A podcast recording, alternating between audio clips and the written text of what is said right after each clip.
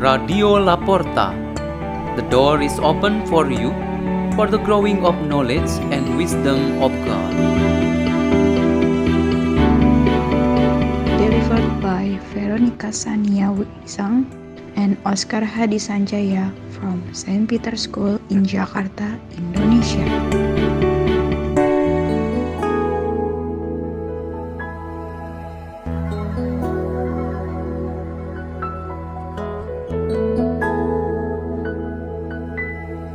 Reading and meditation on the Word of God, Saturday of 21st week in Ordinary Time, August 28, 2021.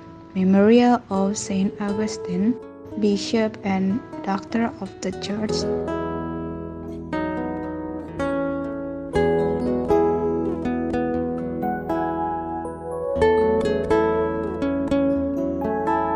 The reading is taken from the first letter of St. Paul to the Thessalonians, chapter 4, verse 9 to 11. Brothers and sisters, on the subject of fraternal charity, you have no need for anyone to write you, for you yourselves have been taught by God to love one another. Indeed, you do this for all the brothers throughout Macedonia. Nevertheless, we urge you, brothers and sisters, to progress even more and to aspire to live a tranquil life, to mind your own affairs, and to work with your own hand, as we instructed you. The word of the Lord.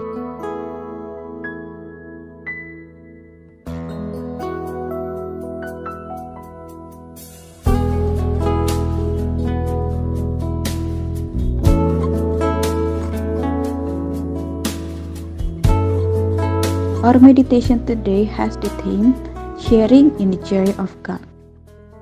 Saint Augustine is one example of precious talent in our church that had developed through the course of time until he became what the Lord Jesus Christ will from his every follower.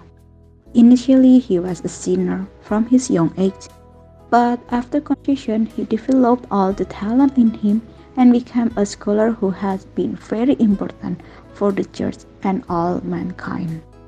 The reward for developing and bearing fruit in our undertaking is to share in the joy of God Himself. For the relation of talent development, what really needed is a relationship of trust between a human person and God. From there comes loyalty and obedience from the part of man. This relationship does not only occur in a degree between master and servant, but in general between human person. Joy and harmony between us, man and woman, are created through this kind of relationship. St. Paul found this way of life in the community of Thessalonians. He felt no more need to teach and follow them in terms of this relationship. They had progressed in this life together thanks to their obedience to God's word and following all His commandments as well. His advice for them was to keep all the goodness and not to replace them with something else and something new. A relationship that is maintained properly will greatly support cooperation and healthy interaction between individuals. On the other hand, a bad relationship will destroy life together. Relationship between individuals that are well maintained will also have a good impact on the sense of belonging to each other, brother and sister. Everyone treats each other as friends and brother or sister.